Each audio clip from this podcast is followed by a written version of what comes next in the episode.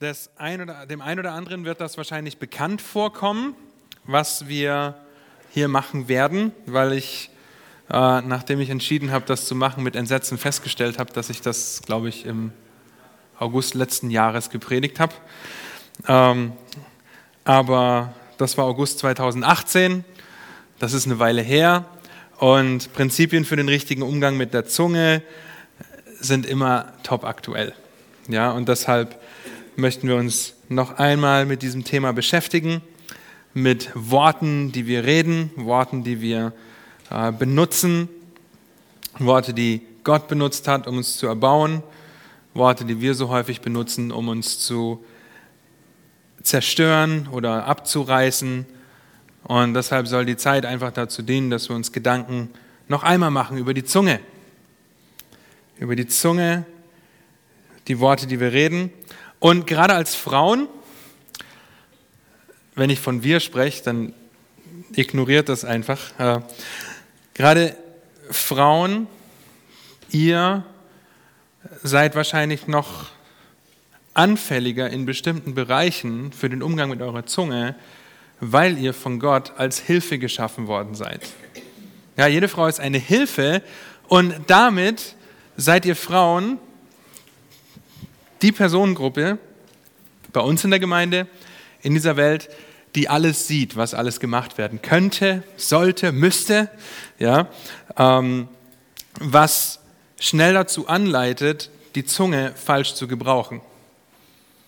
Die Zunge falsch zu gebrauchen, um vielleicht zu verleumden, um die Initiative selbst zu ergreifen, irgendwas in die Hand zu nehmen, irgendwas wegzuorganisieren, irgendwas zu schaffen, vielleicht so lange an euren Ältesten oder auch Ehemännern ähm, nicht rumzunörgeln, aber an sie ranzureden, bis sie sagen, okay, machen wir.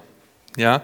Und dadurch, dass ihr als Hilfe geschaffen seid, sind wir unendlich dankbar für euch als Hilfe, sehen aber auch Gefahren, die damit einhergehen, dass eben die Prinzipien der Zunge in besonderer Weise auch auf eine Hilfe zutreffen.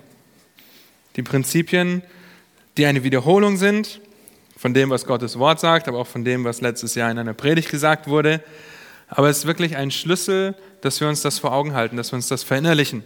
Ja, ich könnte das auch mit den Männern machen, die vielleicht eher dazu geneigt sind, auch den anderen schlecht zu reden, wenn es um Karriereziele geht, zum Beispiel bei der Arbeit. Ja, der kann das nicht so gut wie ich und der macht das und das und das. Ja, aber heute für Frauen und wir möchten uns Prinzipien aus den Sprüchen anschauen. Wir möchten uns kurz Jakobus 3 anschauen, bevor wir dann vier Prinzipien in Epheser 4 betrachten wollen, die viele von euch wahrscheinlich schon kennen, diese Prinzipien, weil sie immer wieder auftauchen in verschiedenen Kontexten, auch hier in der Gemeinde. Und deshalb fangen wir mit Sprüchen an. Lasst uns zu Sprüche 12 gehen. Wenn ihr eine Bibel dabei habt, dann schlagt sie auf oder klickt sie an wie auch immer ihr das macht.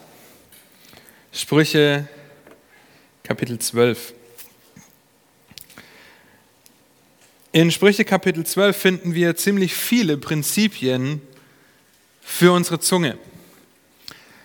Sprüche Kapitel 12, ihr wisst, Weisheitsliteratur, hauptsächlich von Salomo geschrieben, der sie eigentlich an seinen Sohn richtet aber für uns gelten sie genauso, auch wenn wir nicht Salomos Söhne sind.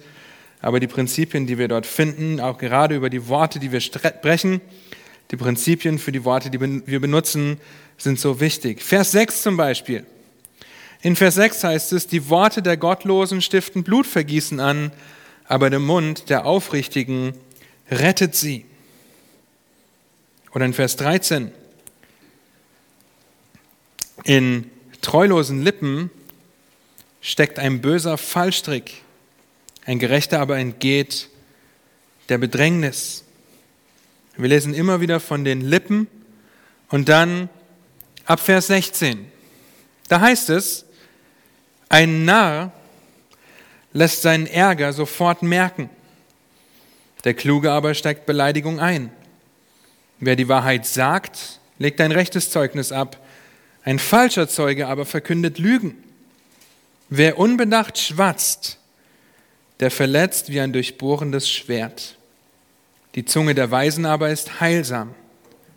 Wahrhaftige Lippen bestehen ewiglich, die Lügenzunge nur für einen Augenblick. Falschheit wohnt im Herzen derer, die Böses schmieden, die aber zum Frieden raten, haben Freude. Den Gerechten wird kein Übel treffen, aber die Gottlosen werden voll Unglück sein.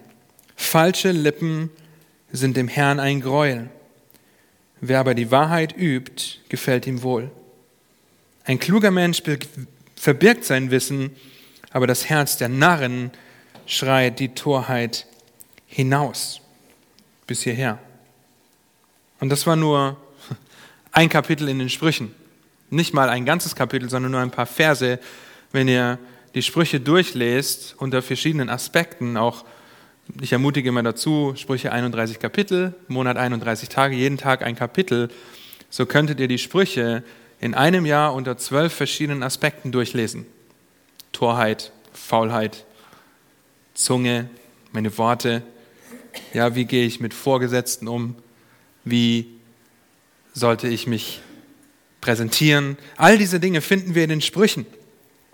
Und wenn wir hier nur ein Kapitel, ein paar Verse aus Sprüche 12 haben über die Zunge, dann stellen wir schnell fest, dass unsere Worte ziemlich viel ausrichten können, ziemlich viel Macht haben, ziemlich viel Kraft haben und dass diese paar Verse schon mehr als genügend Material liefern, um uns zu überführen. Also mich auf jeden Fall.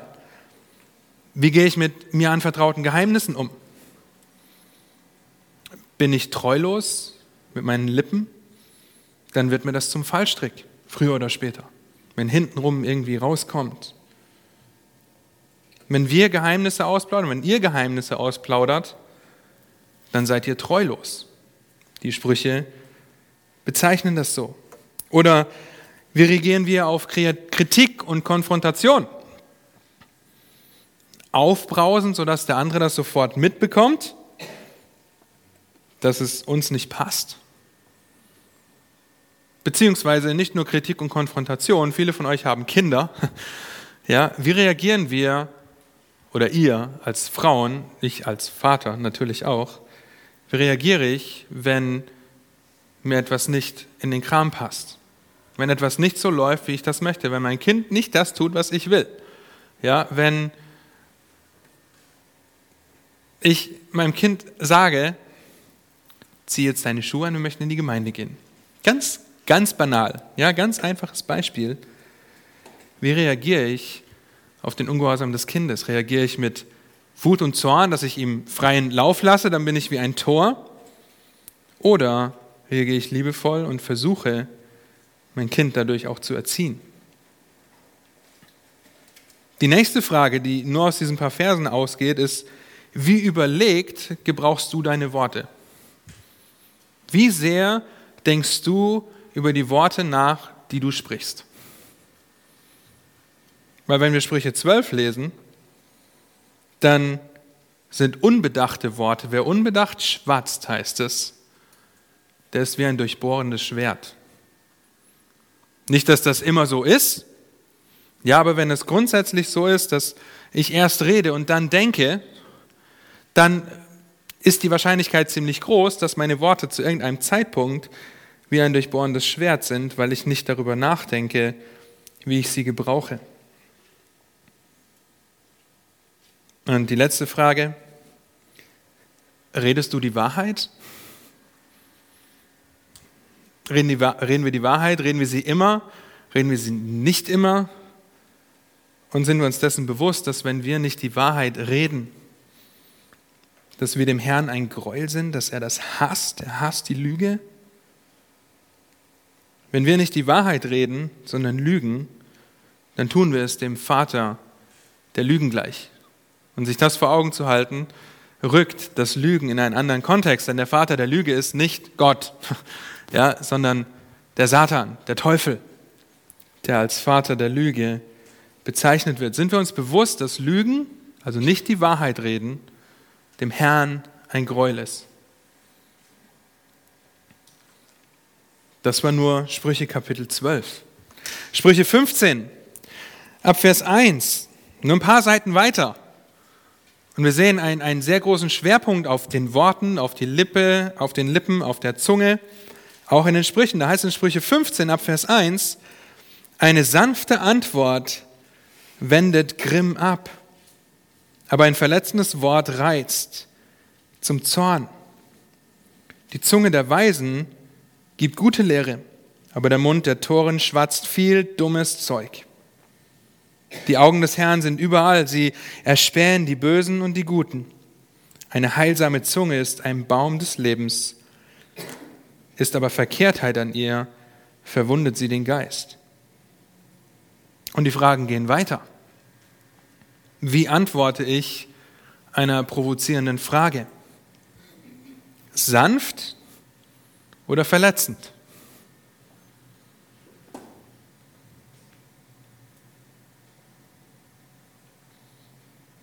Und ihr könnt in die Lücken füllen, wo ihr vielleicht heute oder die letzten Tage provoziert wurdet.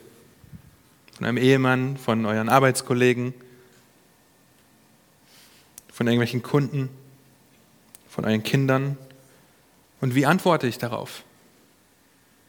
Heilsam oder verletzend? Ist das, was aus meinem Mund kommt, gute Lehre oder dummes Zeug? Worüber redet ihr miteinander und mit anderen? Ist das gute Lehre, weil ihr Gottes Wort kennt, weil ihr Gemeinschaft habt, weil ihr Teil des Gemeindelebens seid, in Zukunft dann auch? Oder redet ihr dummes Zeug, einfach Dinge, die halt die Welt beschäftigen? Ja, wer hat die Oscars gewonnen? Was hat die Schauspielerin für ein Kleid angehabt auf dem roten Teppich? Lauter solche Dinge. Rede ich dummes Zeug. Bei Männern wäre das Technik. Zum Beispiel. Ja? Ist das, was aus meinem Mund kommt, gute Lehre oder dummes Zeug? Und gute Lehre kann ich nur haben, wenn ich im guten Wort Gottes bin. Und dann verarzten oder verwunden meine Worte meinen Nächsten. Wir haben ein Gespräch mit meinem Nächsten, meinem Mann, Frau, Kind, ich mit meiner Frau. Verwunden meine Worte oder verarzten sie? Also sind sie heilsam? Sind sie auf das bedacht, dass der andere dadurch erbaut wird? Wenn ich euch jetzt ein bisschen Zeit geben würde, über diese Fragen nachzudenken, dann bin ich mir sicher, dass wir schon genug überführt werden dadurch, Einfach nur, weil wir feststellen, wie oft wir Worte, die unseren Mund verlassen, falsch gebrauchen. Ja, wir sie falsch verwenden, wir sie so verwenden, dass wir von diesen Texten überführt sind. Aber gut, wir haben zehn Minuten früher angefangen. Nein, ich gebe euch die Zeit dann zu Hause. Sind wir uns unserer, der Tragweite unserer Worte bewusst? Ja, sind wir uns bewusst, dass meine Worte Verzweif äh, nicht Verzweiflung, ähm, Verwirrung stiften können, entzweien können, zerbrechen können. Und woran messen wir das, ob das so ist? Und wir messen das nicht an unseren Arbeitskollegen, die um uns herum sind und sich den Mund über sonst was fusselig reden, sondern wir messen unseren Umgang mit unserer Zunge, unseren Umgang mit den Worten, die wir reden, am Wort Gottes. Das ist unser Maßstab, so wie Dieter vorhin gepredigt hat. Ja? Wie kann ich eine demütige Gesinnung haben? Ich habe ein ultimatives Vorbild in Christus, in Philippa 2. Der Maßstab Gottes ist das, was die Messlatte ist für uns mit Arbeitskollegen, mit den Schwiegereltern, mit den Kindern, deinem Ehepartner, mit den Geschwistern aus der Gemeinde. Und wenn wir unüberlegt und unweise reden, dann beschreibt uns die Bibel als einen Narren, als einen Toren, als einen törichten Menschen, der nicht weise und vernünftig redet. Wenn wir Worte sprechen, die nicht wahr sind, dann beschreibt uns die Schrift als Lügner. Das heißt, wir denken erst und reden dann. Erst denken, dann reden.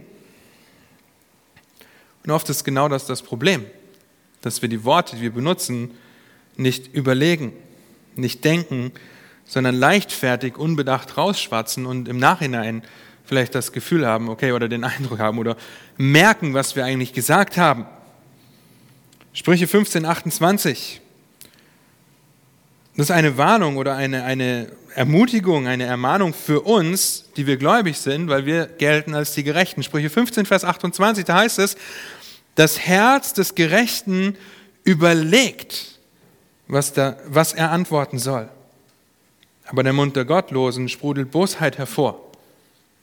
Ich gehe nichts davon aus, dass ihr mit dem Ziel irgendwo hingeht, um einfach nur Bosheit herauszusprudeln, weil das, was im Herzen ist, wird rauskommen. Und wenn ihr das so tut, dann hoffe ich, dass euch das überführt. Ja, aber wir überlegen, was wir antworten. Wir überlegen das. Wir denken darüber nach, bevor wir reden, bevor wir unseren Mund aufmachen. Ein paar weitere Gedanken aus den Sprüchen, und das gibt es tatsächlich als Folie. Nur die Sprüche. Sprüche 10, Vers 11. Deine Worte sollen den anderen erbauen. Der Mund des Gerechten ist eine Quelle des Lebens, aber der Mund der Gottlosen bringt Gewalttat. Oder Sprüche 16, Vers 24. Freundliche Worte sind wie Honigseim, süß für die Seele und heilsam für das Gebein. Deine Worte sollten weisen Rat geben. Sprüche 10, Vers 31 bis 32. Der Mund des Gerechten bringt als Frucht Weisheit hervor, aber die verkehrte Zunge wird ausgerottet. Die Lippen des Gerechten verkündigen Gnade, aber der Mund der Gottlosen verkündet Verkehrtes. Und Sprüche 10, Vers 20 bis 21, ein paar Verse davor. Die Zunge des Gerechten ist erlesenes Silber, das Herz der Gottlosen ist wenig wert. Die Lippen des Gerechten weiden viele, aber die Toren sterben durch Unverstand. Worte haben Konsequenzen. Unsere Worte sollten ehrlich sein. Sprüche 4, Vers 24. Tu hinweg, ich habe gerade gesehen, ich habe einen Punkt vergessen, gell? sollten weisen Rat geben, steht hier gar nicht dabei. Also, das wäre der zweite Punkt. Der dritte Punkt, deine Worte sollten ehrlich sein. Sprüche Kapitel 4, Vers 24. Tue hinweg von dir die Falschheit des Mundes und verdrehte Reden seien fern von dir. Was steht in Sprüche 4, Vers 23?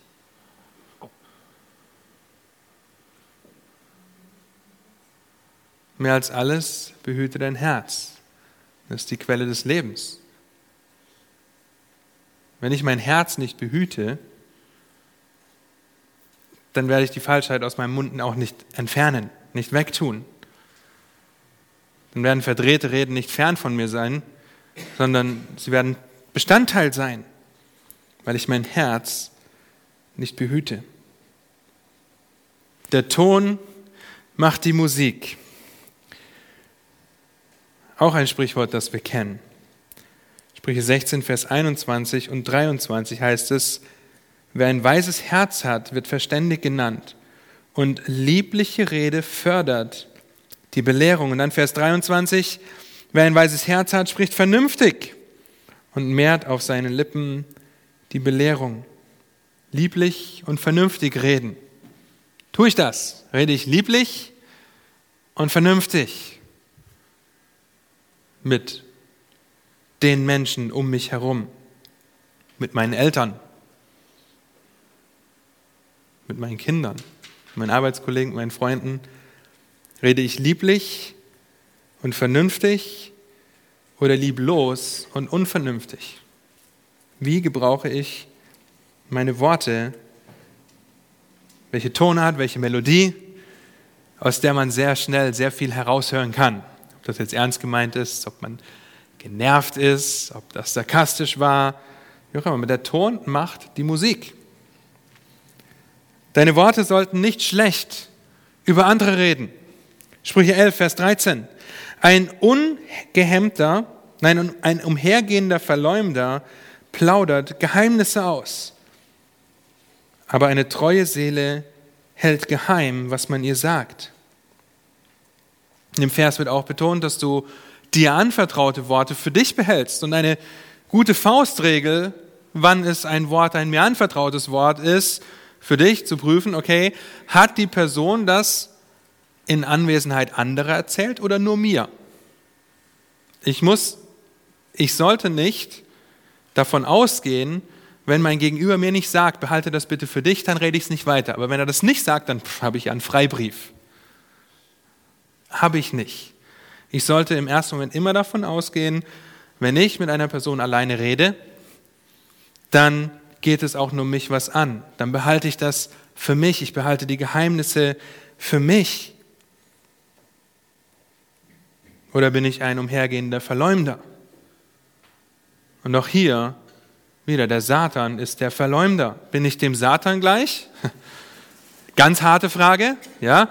Bin ich dem Satan gleich, indem ich lüge, indem ich verleumde, Geheimnisse einfach ausplaudere und dann irgendwann hintenrum es rauskommt oder auch nicht? Oder versuche ich Christus nachzuahmen, seine Gesinnung zu haben, die Wahrheit zu reden und auch geheim zu halten, was mir anvertraut wird, wenn es nicht gegen das Gesetz verstößt?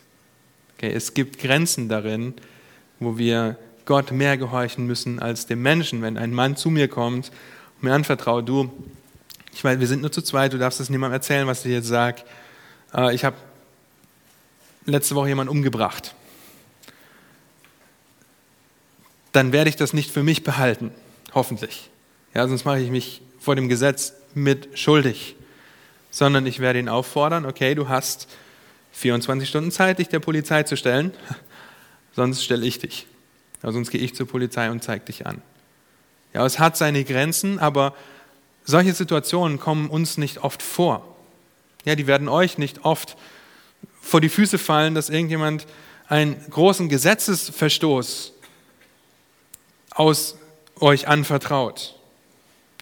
Wenn es ernsthafte Sünde ist, dann müsst ihr einem ernstlich ermahnen, aber da greift dann der Weg der Gemeindezucht. Erst tust du das unter vier Augen. Ich plaudere das nicht einfach aus. Ich sage nicht einfach, Lydia hat übrigens. Schon wieder. Nein. Ich plaudere das nicht aus. Ich gehe auf Lydia zu, ermahne sie unter vier Augen. Es gibt nichts, warum ich dich ermahnen sollte, deswegen nehme ich dich als Beispiel. Ähm, ja, gehe auf sie zu, ermahne sie unter vier Augen, hört sie dann nicht auf mich, dann nehme ich Zeugen mit mir. Und dann nehme ich mir jemanden dazu. Dann ist aber der Kreis immer noch sehr klein gehalten. Und die Zeugen sollten genauso Stillschweigen bewahren, es sei denn, die Person tut nicht Buße, dann zieht es die Nächsten. Und so, ihr kennt diesen Prozess der korrektiven Gemeindeseelsorge. Ja, und deshalb behalten wir Worte für uns, die uns anvertraut werden, wo wir im Gespräch sind mit einzelnen Personen, die wir nicht weiter sagen. Auch nicht weiter sagen, wenn wir meinen, das wäre jetzt vielleicht hilfreich, wenn ich Zeugnis geben könnte von der Person, ja, die hat damit auch gekämpft und geh doch mal zu der, ich weiß davon, dass die auch damit Probleme hat oder Herausforderungen hatte. Geh doch mal zu ihr. Du hast ein Geheimnis nicht für dich behalten. Wie könnte ich da vorgehen? Ich könnte auf die Person zugehen, die mir das Geheimnis oder diese Sache als erstes anvertraut hat.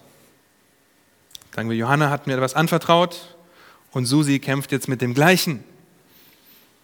Dann gehe ich nicht zu Susi und sage, du, Johanna hat übrigens das gleiche Problem, sondern gehe ich zu Johanna und sage, ich bin mit jemandem im Gespräch, der hat ähnliche Herausforderungen wie du.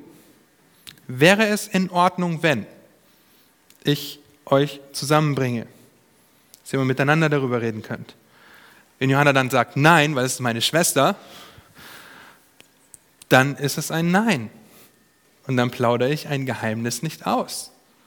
Wenn sie sagt ja, dann ist es für Susi in dem Moment kein Geheimnis mehr, weil ich eine Verbindung herstellen darf und davon erzählen darf. Aber solange ich nicht die Erlaubnis habe, gezielt darum gebeten habe, behalte ich es für mich. Ich verleumde nicht, ich plaudere es nicht aus. Und ein letztes, was hier auch nicht steht, Sprüche 10, Vers 19, vielleicht die Herausforderung für euch Frauen, wo viele Worte sind, da geht es ohne Sünde nicht ab. wer seine Lippen im Zaum hält, der ist klug. Unsere Worte sollten wenige sein. Wir Männer können das ganz gut, manchmal zu gut, sehr zum Leid unserer Frauen.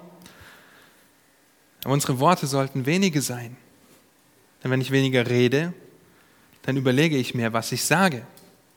Das ist eine, eine, eine Kettenreaktion. Ja, wenn ich, wenn ich die ganze Zeit am Reden bin und immer viel rede, dann stehe ich vielleicht in der Gefahr, einfach nur zu reden um des Redens willen. Aber nicht nachgedacht oder überlegt, welche Worte ich gebrauche. Das waren nur die Sprüche, okay? Die haben sehr viel Potenzial, uns zu überführen und ich ermutige euch wirklich, die Sprüche mal unter dem Aspekt durchzulesen. Lippe, Worte, Zunge. Ja, einfach diese drei Bereiche, darüber nachzudenken, was, sagt die, was sagen die Sprüche eigentlich? Weisheitsliteratur. Weisheit ist angewandtes Wissen oder Leben dessen, was wir wissen, umsetzen dessen. Was sagen sie dazu? Und wo habe ich vielleicht meine Defizite? Wo möchte ich wachsen? In welchem Vergleich, den die Sprüche so oft ziehen, der Kluge tut das, der Tor tut das. Ja, in welchem Bereich möchte ich mehr lernen, mehr wachsen und dann beschäftige ich mich damit im Kontext der ganzen Schrift. Wo finde ich Menschen, die gelogen haben?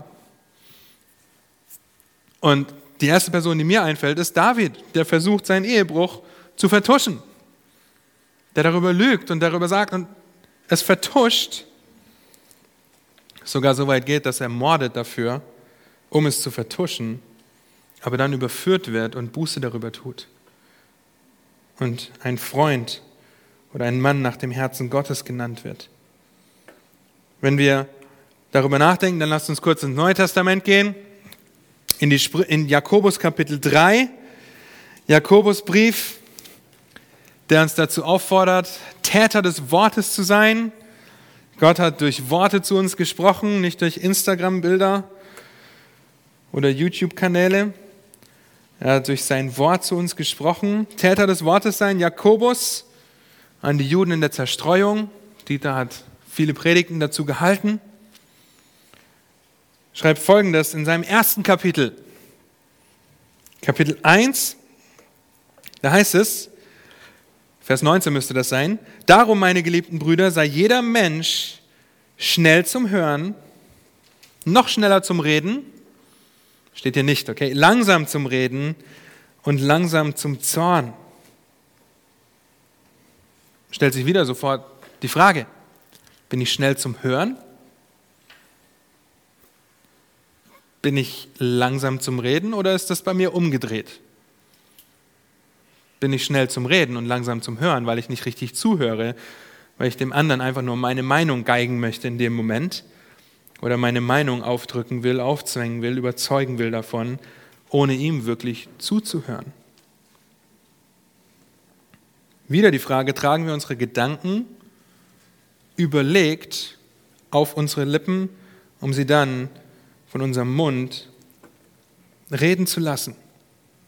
Oder benutzen wir die Ausrede und denken, ich denke ja nur laut. Ich habe gerade nur laut gedacht. Ja, auch das habt ihr schon gehört. Oder sind wir so stolz, dass wir die Meinung des anderen in dem Moment nicht als die richtige haben, weil wir es nicht prüfen und denken, nur meine Meinung ist die, die zählt. Ich habe zwei Regeln in meinem Leben. Die erste Regel ist, ich habe immer recht.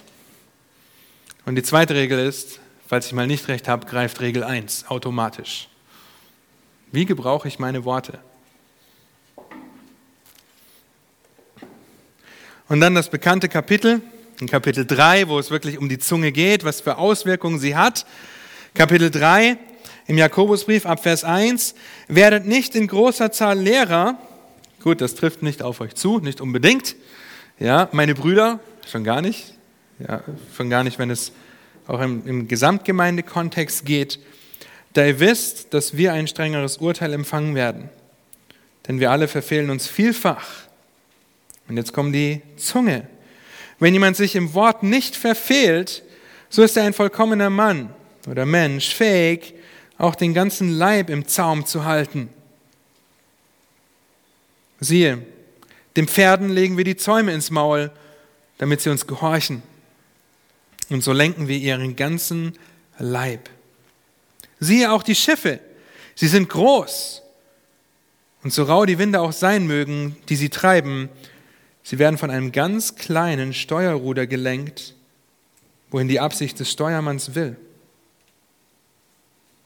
So ist auch die Zunge ein kleines Glied und rühmt sich doch großer Dinge. Siehe ein kleines Feuer, welch großen Wald zündet es an. Haben wir gerade in LA mitgekriegt. Laura wahrscheinlich auch.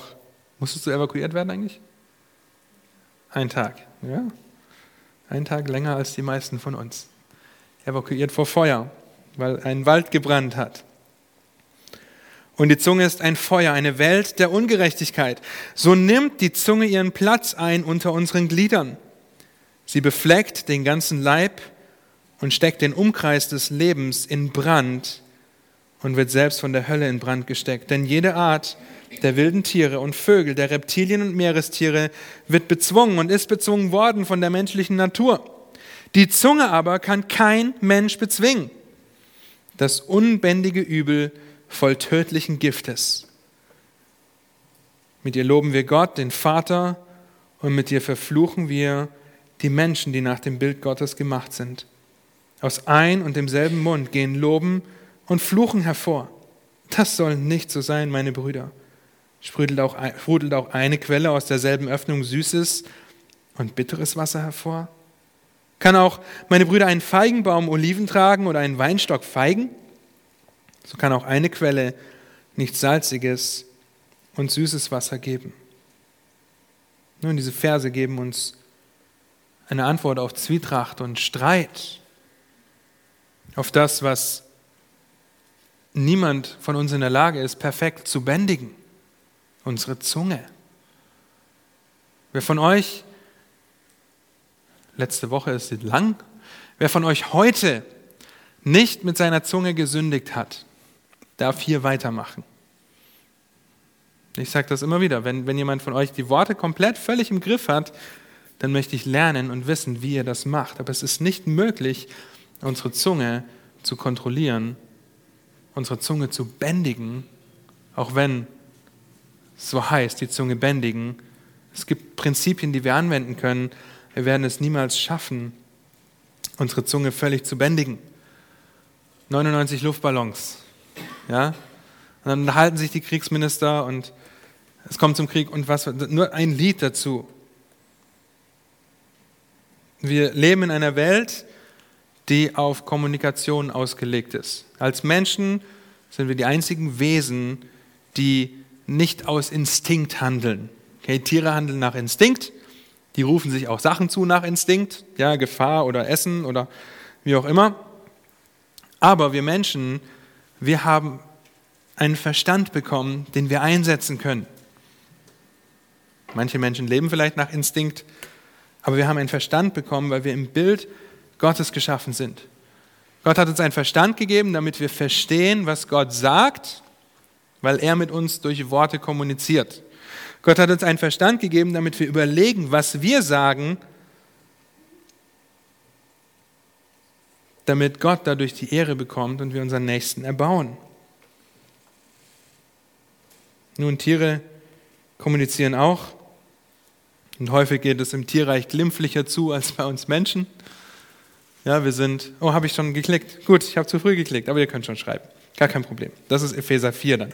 Kommen wir gleich dazu. Ja, wir reden, Gott spricht ständig, ja, auch heute spricht Gott noch durch sein geschriebenes Wort. Die Schöpfung verkündigt seine Herrlichkeit. Und wir haben einen Verstand, das zu begreifen. Das unterscheidet uns so gravierend, dass wir einen Verstand haben, dass wir uns durch Worte ausdrücken können, die wir gebrauchen können, um aufzubauen oder um zu zerstören. Die wir gebrauchen können, um gut zu lehren oder auch nicht und zu zerstören. Christus ist der Gipfel der Kommunikation Gottes. In Hebräer 1, Vers 1 seht ihr das, nachdem Gott in vergangenen Zeiten vielfältig und auf vielerlei Weisen zu den Vätern geredet hat durch die Propheten, hat er in diesen letzten Tagen zu uns geredet durch seinen Sohn oder im Sohn. Ihn hat er eingesetzt zum Erben von allem. Durch ihn hat er auch, auch die Welt geschaffen. Dieser ist die Ausstrahlung seiner Herrlichkeit und der Ausdruck seines Wesens. Er trägt alle Dinge durch das Wort seiner Kraft. Dieses Universum wird durch das Wort Gottes erhalten. Er hat sich, nachdem er die Reinigung von unseren Sünden durch sich selbst vollbracht hatte, zur Rechten der Majestät in der Höhe gesetzt. Und wir wissen, dass er für uns einsteht und uns vertritt als ein hoher Priester und ein Anwalt für uns, der muss Worte gebrauchen, sonst kann er uns nicht verteidigen. Das wäre schlecht, wenn ein Anwalt im Gerichtssaal einfach nur da sitzt und nichts tut. Nein, er tritt für uns ein. Und deshalb müssen wir uns auch Gedanken über die Worte machen, die wir sprechen, egal wo wir sind, egal in welchem Stadium des Lebens wir uns befinden, ob alleinstehend, ob jung, ob alt, ob mit Kindern, ob mit Enkelkindern, ob mit Urenkelkindern, ich glaube, ist noch keiner hier, ja, ob verheiratet, ob nicht verheiratet. Deshalb müssen wir uns Gedanken machen über die Worte, die wir reden. Bauen sie auf oder reißen sie ab? Sind sie wie ein Waldbrand, der einfach alles zerstört und alle um uns herum müssten evakuiert werden eigentlich? bevor sie in unsere Nähe kommen, dann bin ich vielleicht ein Hitzkopf. Und die Sprüche warnen davor. Die Sprüche sagen ganz deutlich, freunde dich nicht mit einem Hitzkopf an. Einem, der seinem Ärger ständig Luft macht, aufbrausend ist und wütend wird. Wie gebrauche ich meine Worte? Nun, ihr habt jetzt die vier Punkte schon. Aber eines Tages kam ein Mann zu Sokrates, ein Philosoph. Und dieser Mann war voller Aufregung. Hey, hey, hey, Sokrates, hast du gehört, was, was dein Freund getan hat? Das, das, das muss ich dir gleich erzählen. Ein Moment unterbrach Sokrates ihn. Hast du das, was du mir sagen willst, durch drei Siebe gesiebt? Wir könnten hier vier nehmen. Aber das ist eine Begebenheit, die uns die Geschichte auch überliefert hat. Drei Siebe, fragt der Mann. Ja, drei Siebe. Lass sehen, ob das, was du mir zu sagen hast, durch die drei Siebe hindurchgeht. Das erste Sieb ist die Wahrheit. Hast du alles, was du mir erzählen willst, geprüft, ob es wahr ist? Nein, ich hörte nur, dass es erzählt wird und, und, ah, so, so. Aber sicher hast du es dann mit dem zweiten Sieb geprüft. Das ist das Sieb der Güte. Ist das, was du mir erzählen willst, wenn es, noch, wenn es sich schon nicht als wahr erwiesen hat, wenigstens gut? Zögernd antwortete man, nein, das nicht, eher im Gegenteil.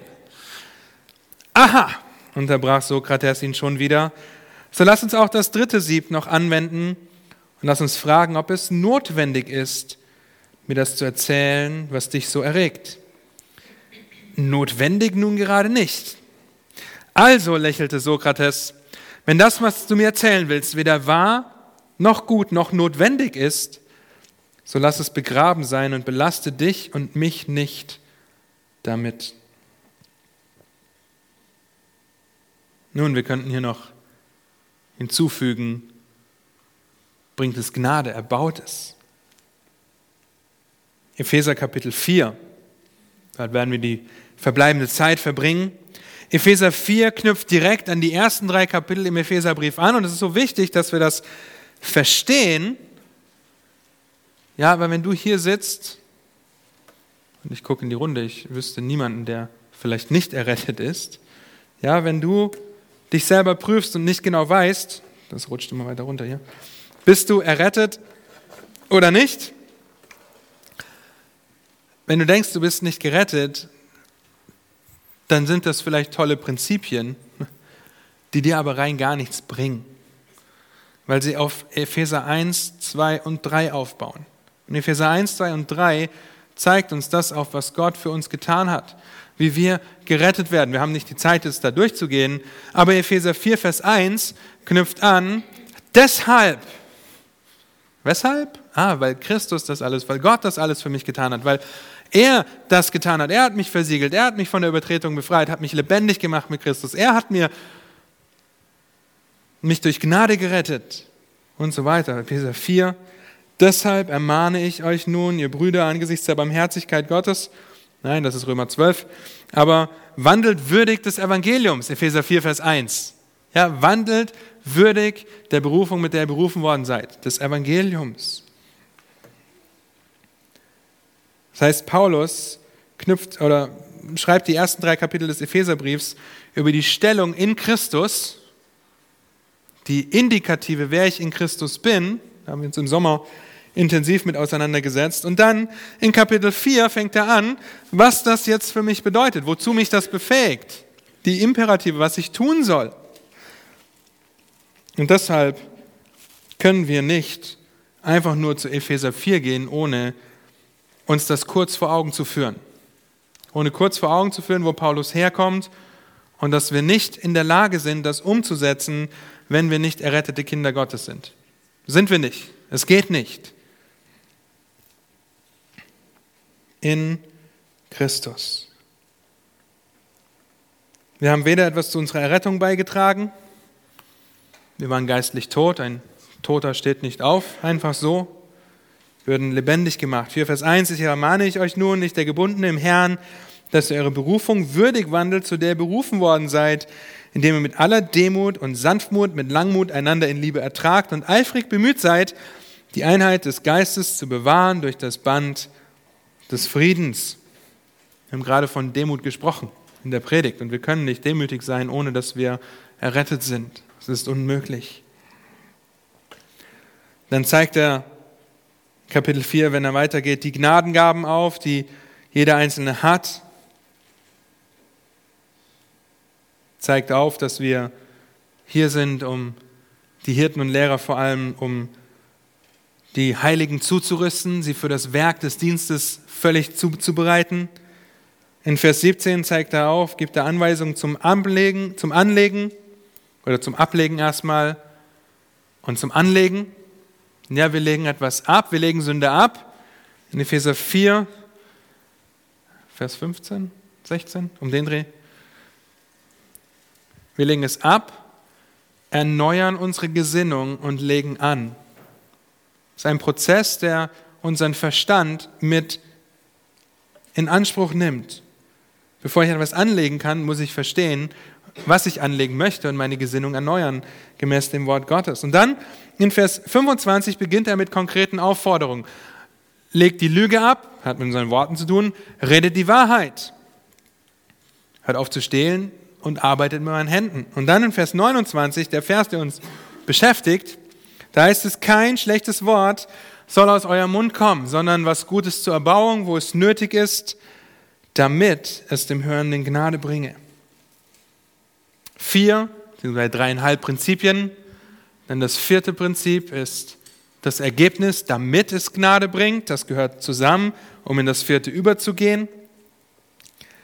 Vier Prinzipien, die wir auch schon in den Sprüchen beobachten konnten. Ja, erstens Worte vermeiden, die eklig sind. Kein faules Wort komme aus eurem Mund. Das Wort für faul ist das Wort sapros und bedeutet wirklich verfault oder vergammelt. Es wurde gebraucht, um ein Lebensmittel zu beschreiben, das absolut verdorben und ungenießbar war. Sowas würde man nicht mal ansatzweise in den Mund nehmen. Das ist die Idee. Ihr erinnert euch vielleicht an das Beispiel der Milchpackung, die zwei Wochen lang bei 30 Grad auf dem Balkon steht. Südseite, die Sonne knallt schön drauf. Oder der Apfel, der so haarig wie ein Pfirsich ist weil ihr ihn irgendwo im Schrank vergessen habt? Nun, wir würden nicht im entferntesten auf die Idee kommen, es sei denn, wir verwechseln das mit einem Pfirsich, wir würden nicht im entferntesten auf die Idee kommen, das auch nur ansatzweise mit unseren Lippen zu berühren wahrscheinlich geschweige denn mit unseren Fingern. Ja, wahrscheinlich würden wir irgendwie Handschuhe anziehen oder zwei Kochlöffel nehmen oder Angst haben, dass die Milchpackung explodiert, wenn wir sie anfassen. Aber wir verstehen, dass wir sowas nicht anfassen würden, sowas nicht benutzen würden.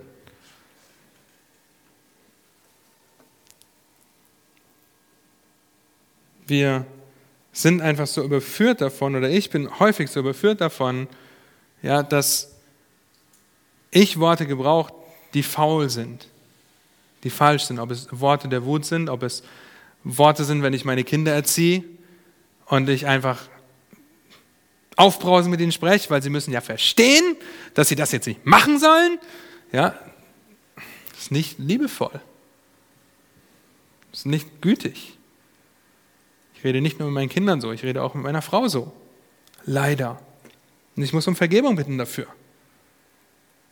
Ja, und ich kann mir sehr gut vorstellen, wie die frühere Generation bei ihren Kindern, wenn sie faule Worte gesprochen haben, ein Stück Seife genommen haben und sie mussten ein Stück Seife essen.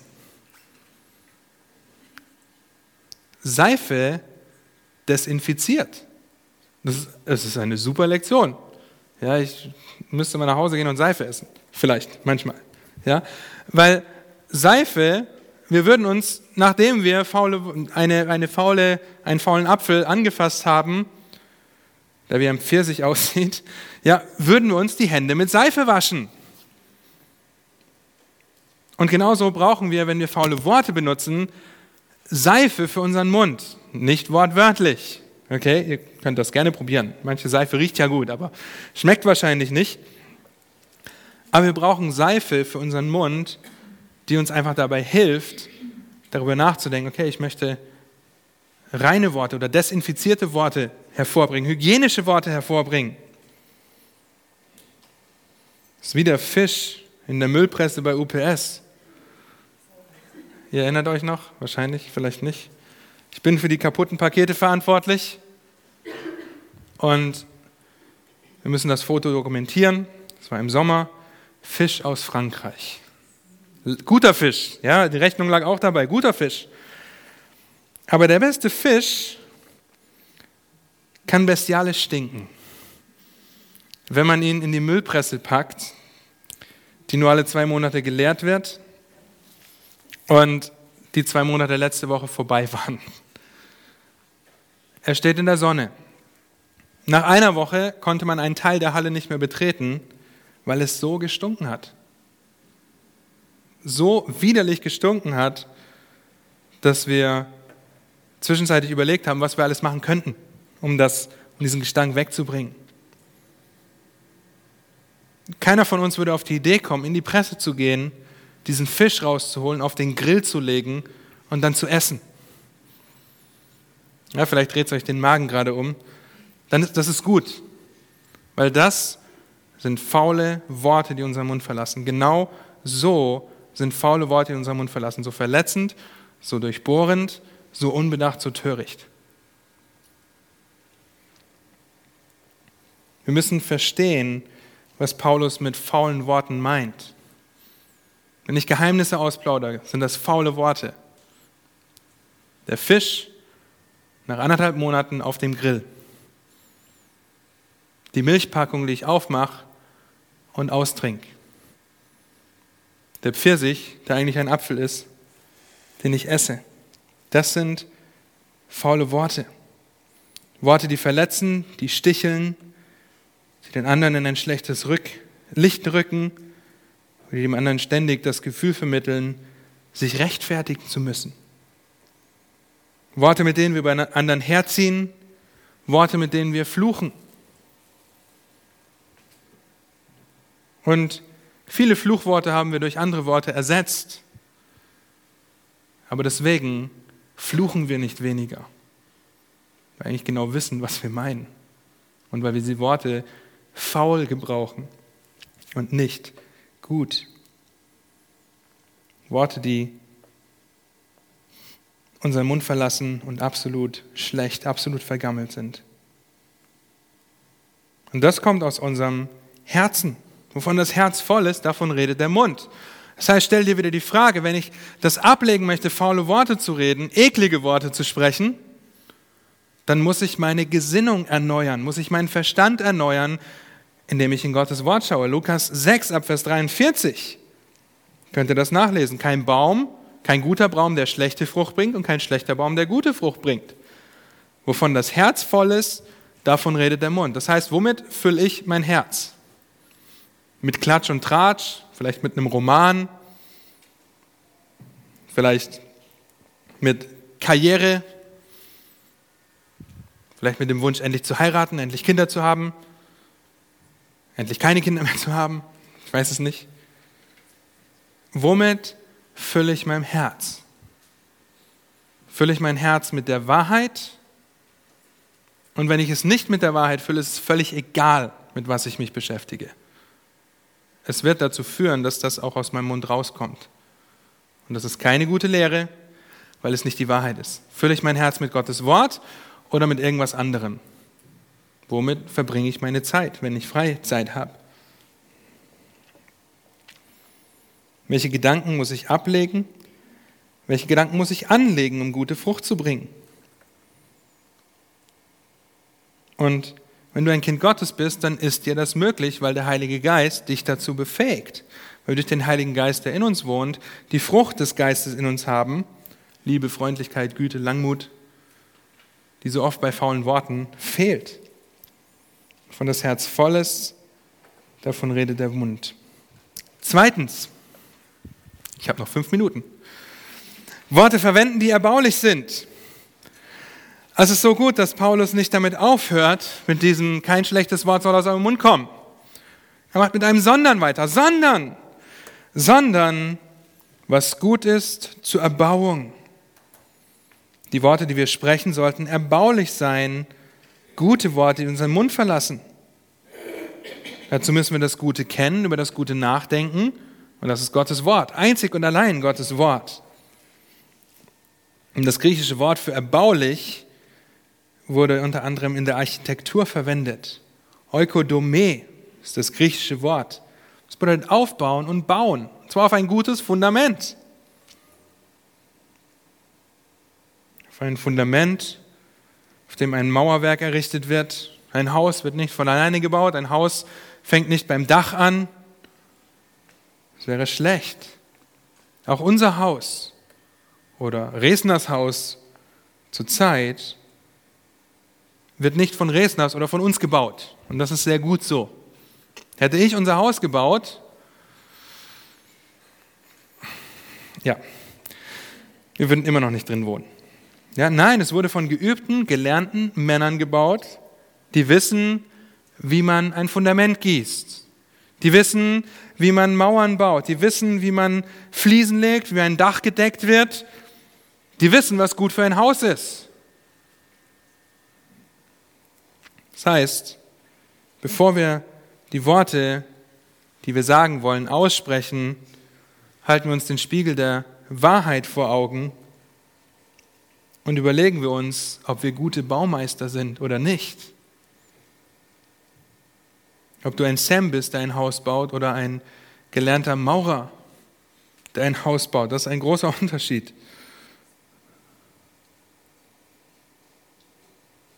Lasst uns nicht die Frage nach dem Grad der Sensation stellen oder der Botschaft, die wir vermitteln wollen. Hast du schon gehört, dass der und der und überhaupt und wir sollten das unbedingt machen und das muss doch so sein und so sein?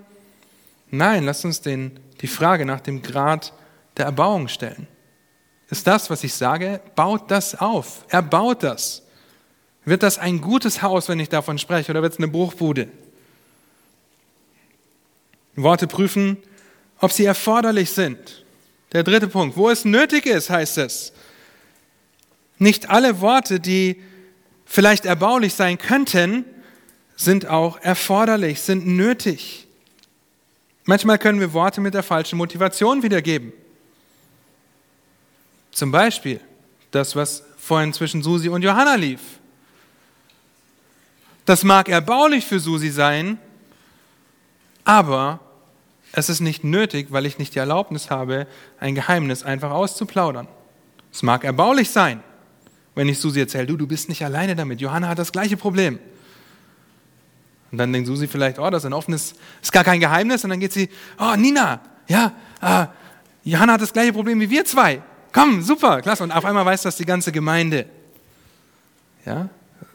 Vielleicht erbaulich, aber nicht nötig, nicht erforderlich weil es an anderer Stelle dem widerspricht, zu dem uns die Schrift auffordert.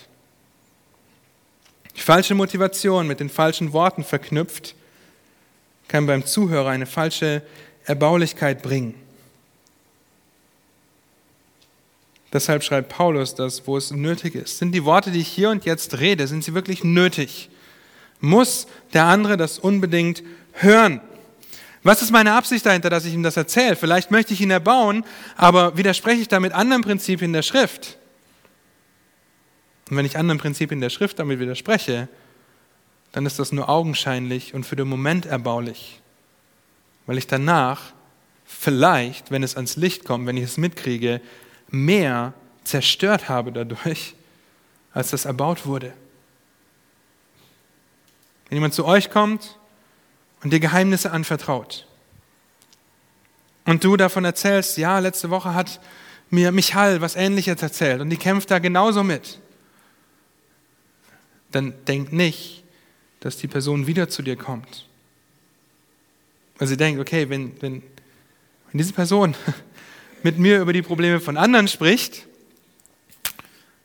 und dann vielleicht mit der nächsten Person im Gespräch ist, mit Christine, dann erzählt sie, ja, Michael hat die gleichen Probleme. Ich kann dem nicht vertrauen, dass ein Geheimnis für sich behalten wird. Und so lasst uns überlegen, wo unsere Worte nötig sind, was die Absicht dahinter ist und ob sie auf lange Sicht zerstören und den anderen vielleicht sogar dazu anspornen, dasselbe zu tun. Worte wählen, die erbarmend sind, beziehungsweise zum Ergebnis führen. Hier viertens, wenn ich das bedenke, kein faules Wort kommt aus meinem Mund.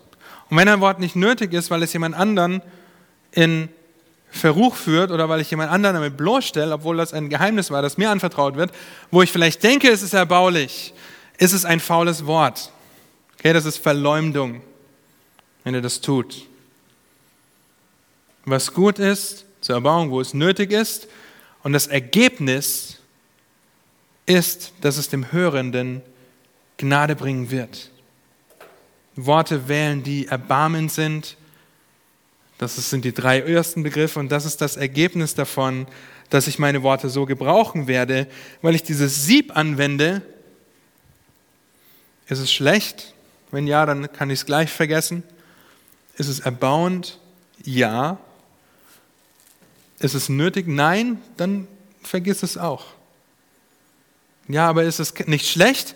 Ist es erbauend und ist es nötig?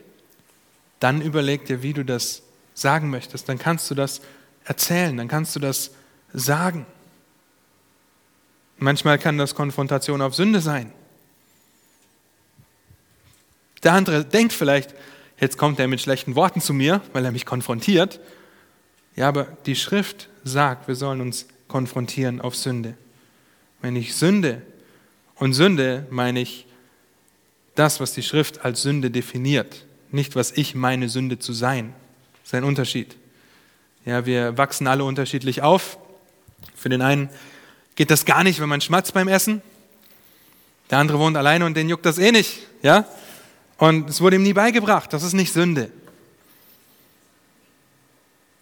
Ja, aber wenn ich natürlich damit komme, okay, das ist der Maßstab, weil ich der Maßstab bin, und wenn du schmatzt, dann sündigst du gegen Gott und gegen mich. Ja.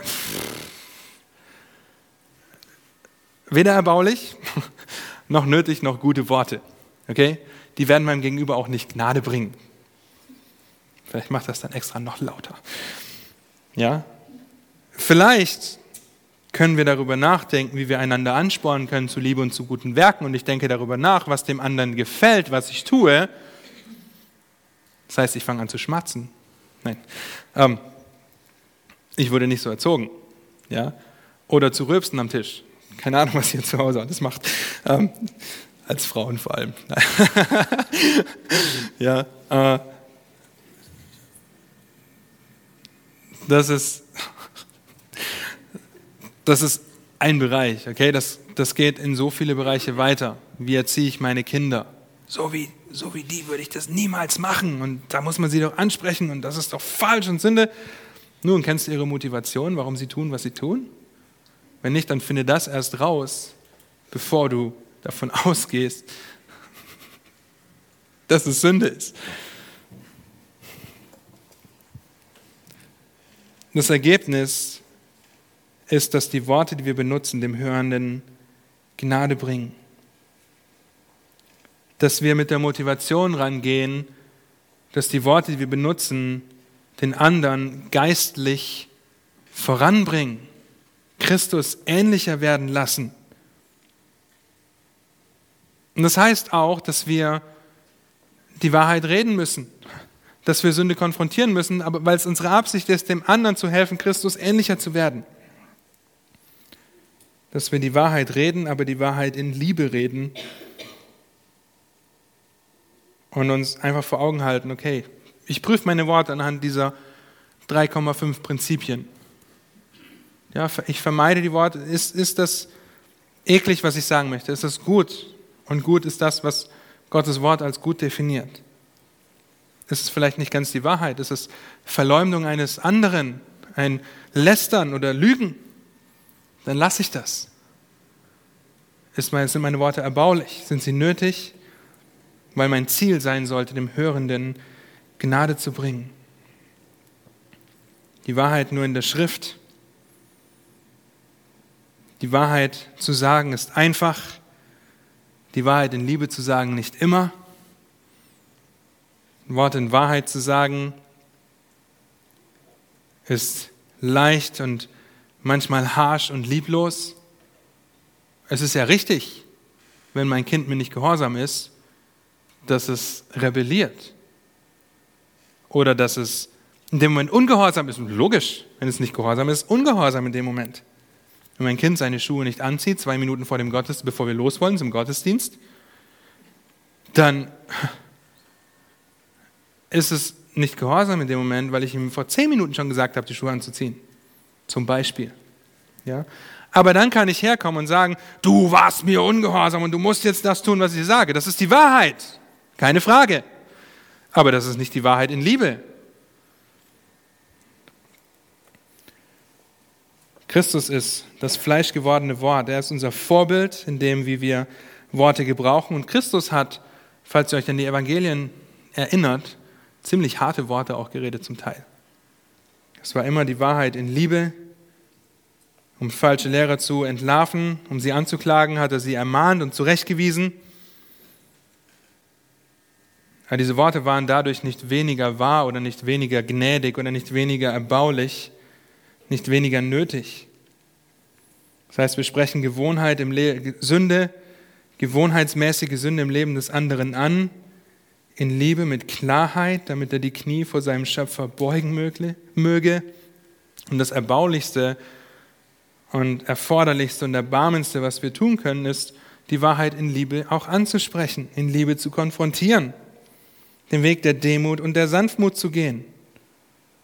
Und das ist so essentiell für unsere Kommunikation, so essentiell für das, was wir reden, wie wir kommunizieren, Männer wie Frauen.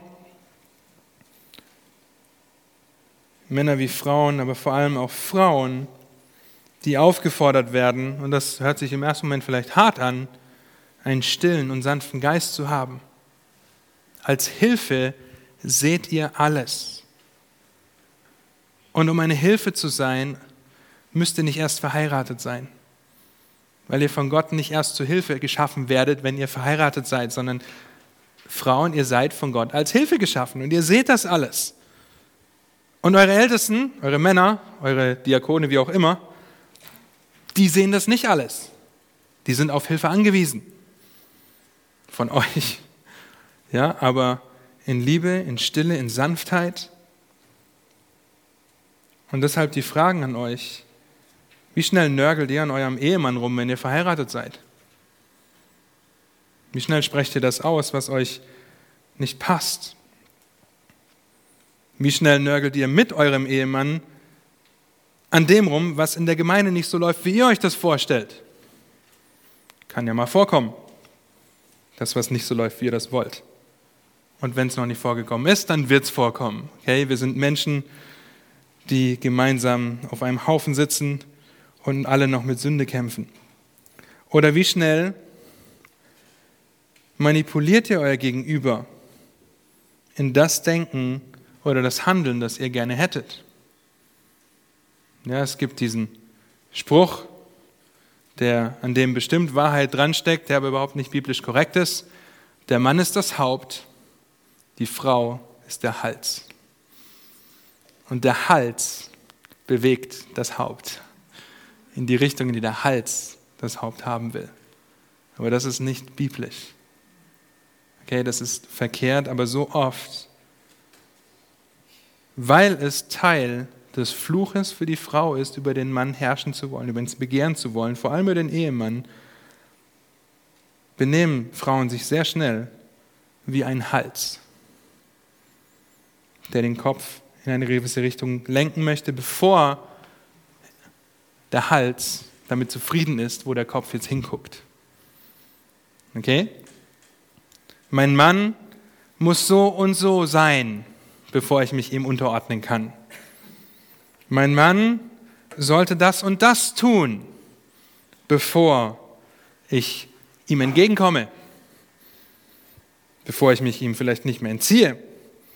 Ja, wie oft gebrauche ich meine Worte, mein Handeln, mein Denken zur Manipulation? Oder wie oft denke ich nicht über die Worte nach, die ich rede, sondern rede einfach, ohne darüber nachzudenken, ob es jetzt wahr ist, ob es gut ist, ob es ehrbar ist, ob es den anderen aufbaut oder nicht. Das sind Fragen. Wie oft werdet ihr laut mit den euch anvertrauten Kindern, weil es nicht so läuft, wie ihr euch das vorstellt? Wie oft kommuniziert ihr nonverbal durch die Gestik, wenn ihr mit Kunden, die ihr nicht abkönnt, im Gespräch seid, wenn ihr arbeitet. Nun, wie gebrauchen wir unsere Worte?